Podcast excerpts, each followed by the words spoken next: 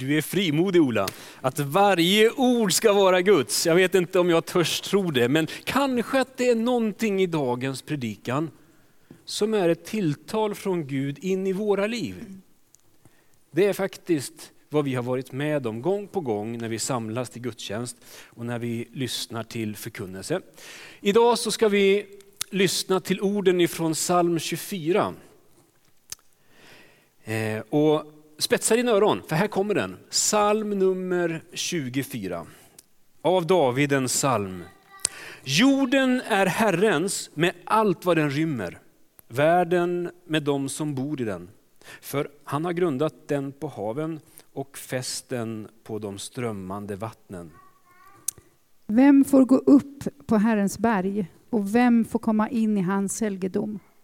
Den som har oskyldiga händer och rent hjärta, som inte vänder sig till sin själ till lögn och inte svär falskt. Han får välsignelse från Herren och rättfärdighet från sin frälsnings Gud. Sådant är släktet som frågar efter honom, de som söker ditt ansikte är Jakobs barn. Höj era huvuden, ni portar, höj er, ni eviga dörrar, så att ärans kung kan tåga in. Vem är han, ärans kung? Det är Herren, stark och väldig, Herren, väldig i strid. Ja, höj era huvuden, ni portar, höj er, ni eviga dörrar, så att ärans kung kan tåga in. Vem är han, ärans kung? Det är Herren Sebaot. Han är ärans kung. Så lyder Guds ord till oss idag. Och jag inser ju att jag måste byta glasögon. När ska detta ta slut? Ja, när har fått fram mina progressiva glasögon. Eh, som Ola har sagt redan så, så, snurrar vi runt i saltaren några veckor i inledningen på det här året. Och jag skulle vilja ta dig med till den här salmen och jag vill tala med, med dig idag om bön. Om hjärtats bön. Och Det finns så mycket vi kan säga om bön och det finns så mycket man kan upptäcka när man börjar läsa bibeltexterna. Så några saker vill jag plocka fram och lyfta fram så att vi kan notera dem. Och kanske att det är några saker vi också kan få ta, oss med, ta med oss idag. Den psalm som vi läser idag, som du just hörde, nummer 24, eh, tillhör en grupp av psalmer som troligen användes i samband med inledningen av gudstjänsten, kanske i synagogan, men framförallt i templet och innan det i tabernaklet. Eh, det här är alltså salmer som man brukar kalla för ingångssalmer. Nummer 5, 15, 24 är kanske mest påtagligt så, men sen finns det några stycken till. Och De här salmerna de påminner oss om att det är en förmån och ett privilegium. Det är en förmån och ett privilegie att faktiskt få komma till Gud. Att få vara en stund i Guds närhet. De här salmerna, ja, på olika sätt så lyfter de fram att lyckligt det folk som har Herren till Gud. Ja, I honom så har våra hjärtan sin glädje. Vi förtröstar på hans heliga namn. Jag har min lycka i att nalkas Gud. Så de här ingångssalmerna de stämmer upp till lovsång. De sjöngs ut i inledningen av den här gudstjänstliturgin. Och Saltaren är ju kanske den mest använda bibelboken. Redan på Jesu tid så hade den sin givna plats i troende människors enskilda andakt. Kanske på morgonen, kanske på kvällen. Men framförallt så användes den i den gemensamma gudstjänsten. Så de här, några av salmerna, de här ingångssalmerna eh, sjöngs då ut när man gick in. Och den här, man kan tänka sig en procession kanske också in i templet. Eh, och psalm 24 är en av dem. Den inleds med ett riktigt jubelrop. Jorden är Herrens. Den vi lovsjunger det är ärans kung, stark och väldig i strid. Allt är lagt under honom. Jorden är Herrens. Och Den här bekännelsen säger någonting om tillhörighet. Det vill säga att vi och allt, vi tillhör Gud. Och Det säger någonting också om att Gud är den rättmätige härskaren. Jorden är Herrens. Om man bläddrar fram både ett antal år och sidor så kommer man till Filipperbrevet där vi hittar en tidig kristen lovsång som är inne på samma tema. Där sjungs det ut att han, Jesus från Nasaret, ägde Guds gestalt men vakade inte över sin jämlikhet med Gud utan avstod från allt och antog en tjänares gestalt när han blev som en av oss. När han till det yttre hade blivit människa gjorde han sig ödmjuk och han var lydig ända till döden, döden på ett kors. Därför har Gud upphöjt honom över allt annat och gett honom det namn som står över alla andra namn. För att alla knän ska böjas för Jesu namn i himlen, på jorden och under jorden. Och alla tungor bekänna vad då? Jesus Kristus är Herre, Gud Fadern till ära. Så vi bekänner med troende människor i alla tider att jorden är Herrens. Jesus är Herren. Den här bekännelsen är utgångspunkten för vår bön. Det är en utgångspunkt för psalm 24 också. Och de här ingångssalmerna då, det här knippet salmer som vi stöter på, och de är inte systematiserade som man skulle tänkt, liksom, att man hade varje kategori för sig. så. Och exakt vilken psalm som tillhör vilken kategori, eh, det diskuterar man lite om. Det gnisslar lite i forskarvärlden kring det också, man är inte helt överens. Men ingångssalmerna har tre kännetecken kan man säga. De innehåller, och på något sätt så berör de en fråga, de ger något slags svar och de kommer med ett löfte. Och Det här tänkte jag ska ta med och bara titta lite kort på. Frågan är, vem får komma? Den frågan liksom snurrar de här salmerna kring. Vem får komma nära Gud? Vem får gå upp på Herrens berg? Vem får komma in i hans helgedom? är ju frågan som ställs i psalm 24. Troende människor har i alla tider sökt Gud på särskilda platser. På berget, i helgedomen, i naturen, i gudstjänsten. Och frågan som ställs är, vem får komma? Vem är välkommen?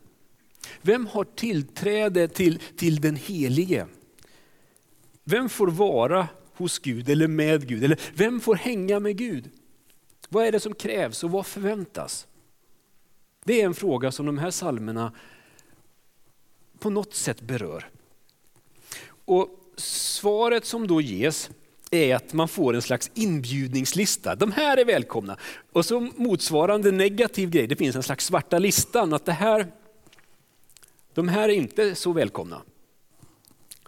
Eh, de här är portade egentligen, är det mer eller mindre som sägs. Då, va? Så de här psalmerna tycks lista vilka som får och inte får komma inför Gud. Så det är, och ganska kategoriskt. Det är ofta två grupper som liksom beskrivs. De rättfärdiga å ena sidan och de ogudaktiga eller onda å andra sidan. Och det finns liksom inga alternativ. Det är det ena eller det andra. Eh, så i de här psalmerna så ges det två väldigt idealiserade porträtt. Stiliserade beskrivningar. Det är svartvitt. Och nu är inte det här den boken som jag var så förtjust över i september. Det är en mycket mindre liten bok. Men det här är en fin bibelkommentar som jag har snurrat i lite grann också. Och Craig Broyle som han heter, han menar att de här beskrivningarna av de rättfärdiga och de ogudaktiga framförallt inte ska eller de ska inte ses som självbiografiska påståenden av faktiska grupper som säger det här är vi.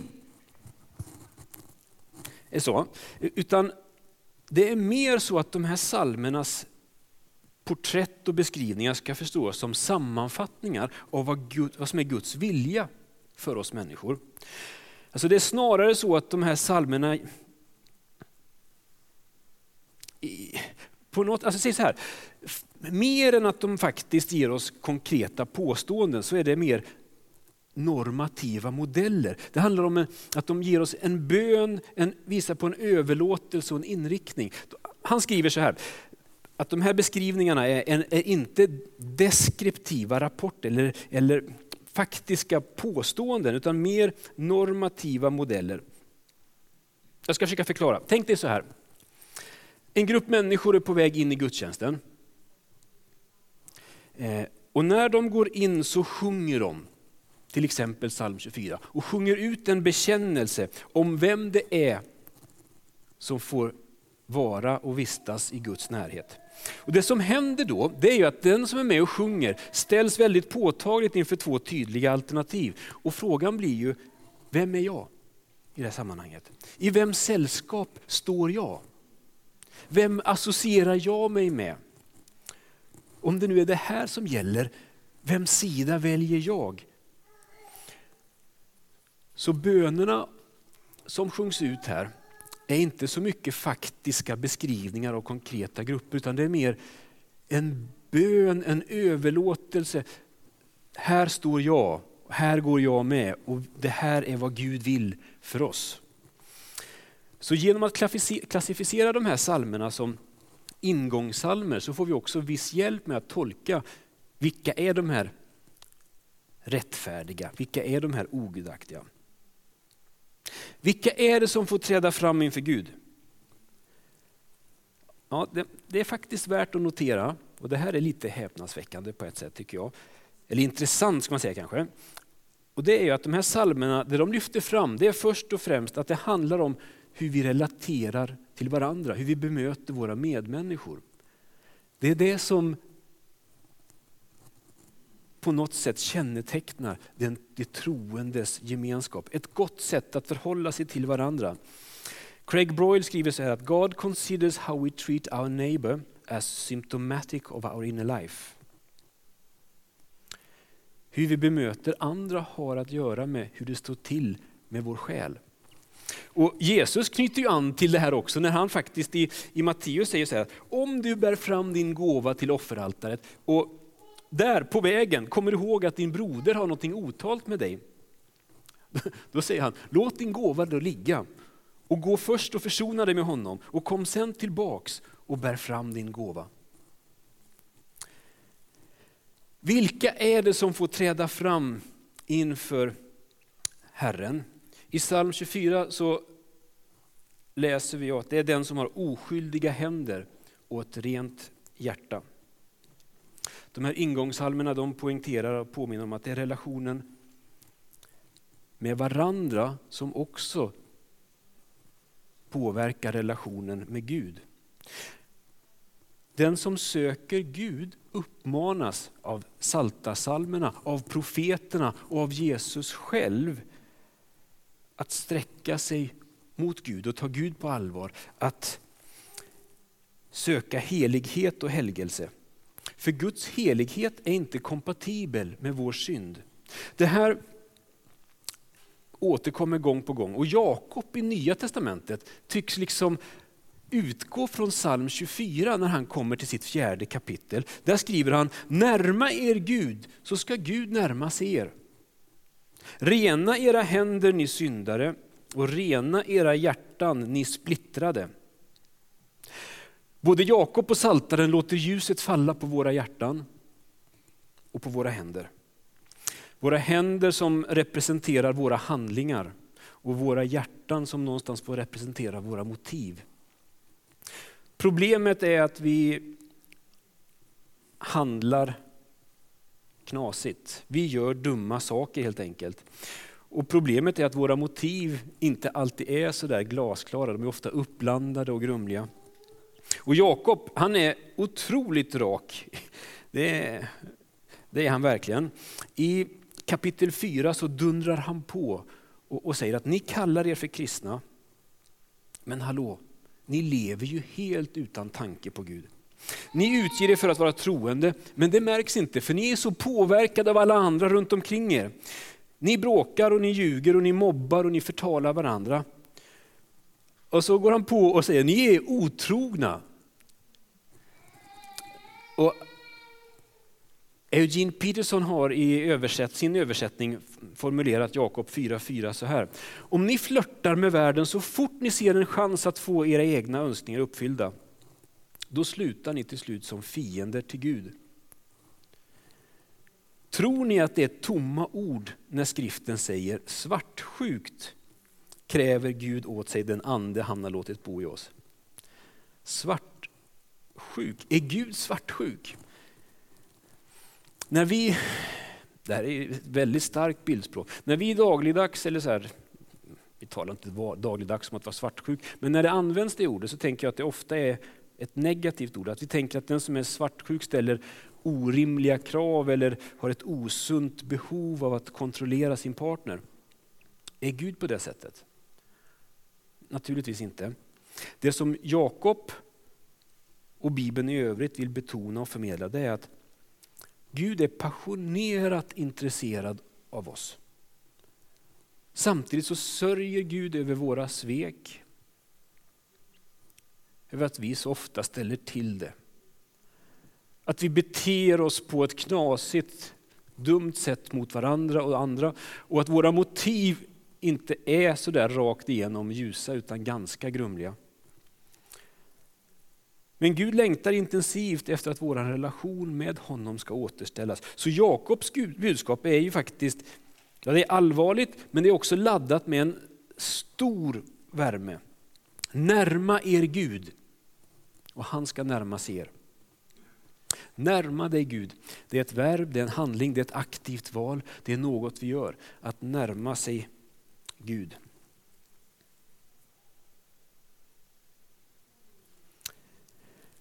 Var finns då Gud? Vart vänder vi oss? Det kan ju låta som en, det är en ganska barnslig fråga, men samtidigt är det en bra fråga, en fråga som är värd att ställa sig. Var finns Gud? Och Bibelns svar är ju sådär paradoxalt. Det är, ja, det är paradoxalt helt enkelt. För å ena sidan så talar Gud om att, Bibeln om att Gud finns överallt. Och samtidigt att Guds påtagliga närvaro är kopplad till vissa platser. På berget, eller i helgedomen, i tabernaklet, i templet, i gudstjänsten. Det tycks alltså finnas heliga platser, heliga mötesplatser. Eh, Craig Broyle han uttrycker det så här att även om det är korrekt att tala om att Gud är närvarande överallt så är det också rätt och riktigt att förvänta sig att någonting särskilt händer, att det är en särskild närvaro när vi samlas för att tillbe. Och när Jesus säger att där två eller tre är samlade så är jag mitt ibland dem, så antyder det också att det finns en alldeles speciell närvaro, en speciell gemenskap när vi samlas till gudstjänst i Jesu namn. Så när man bläddrar genom Bibeln så märker vi att ja, men vi möter ju Jesus i gudstjänsten när vi samlas för att tillbe. Det här är någon slags värmestuga för själen, där vi för en stund får vara med Jesus och möta honom och han med oss. Vi möter också Jesus i vår personliga andakt när vi stillar oss en stund, om det så är på morgonen eller kvällen. Då finns han där och ibland så upplever vi Guds frid, ibland så bara sitter vi stilla en stund och så är det. Men vi söker oss emot honom och han möter med oss. Vi möter också Jesus i vardagen. Där du står är helig mark, där är Gud. I, I min lilla blå anteckningsbok som jag här skriver upp lite att göra-listor, kom ihåg det här och det hjälper mig en hel del tror jag. Utan den här så vore det värre än vad det är. Eh, men på första sidan här så har jag faktiskt skrivit in ett bibelord. Det är ett ord som är taget ur Markus evangeliet när änglarna liksom talar till de där lärjungarna som hade kommit för att hitta Jesus eller söka till honom. Och då, då står det så här. Jesus, de säger Jesus har uppstått och han går före er till Galileen. Där ska ni få se honom som han har sagt er. Och de här orden de läser jag allt ofta, allt emellanåt. Liksom. Eh, när jag är på väg in i något, om det är ett sammanträde eller om det är ett personligt möte med någon, så läser jag ut för mig själv och som en bön att Jesus går före mig till brödernas café. Där ska du få se honom. Han går före dig till Sankt Persgatan 139. Där ska du få träffa honom. Han har redan loggat in på Zoom. Där ska du få se honom. Han går före dig till kyrkans expedition och där ska ni få möta honom. Han går före och vi följer efter. Och när jag kliver in i ett rum så är jag väntad av Jesus. Han är där före mig och han väntar på mig. Vi är aldrig först in i ett rum, Jesus ligger alltid steget före. Och frågan som vi får bära med oss det är, vad är det som är på gång idag, här? Vad har Jesus att säga till mig och till oss? Vad vill han? Vad önskar han?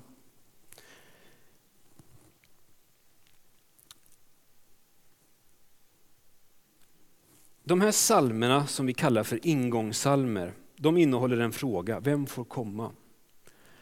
De ger olika svar på det där och sen avslutas de med ett löfte. Och psalm 24 säger att den som söker Guds ansikte, den som vänder sig till Jesus får välsignelse från Herren och rättfärdighet från sin frälsningsgud. Rättfärdighet, det är alltså inte bara ett resultat av min egen ansträngning, utan en gåva. En gåva som troende får ta emot från sin frälsningsgud. Tack vare Jesus, det han har gjort och det han ger, så har våra förutsättningar förändrats i grunden.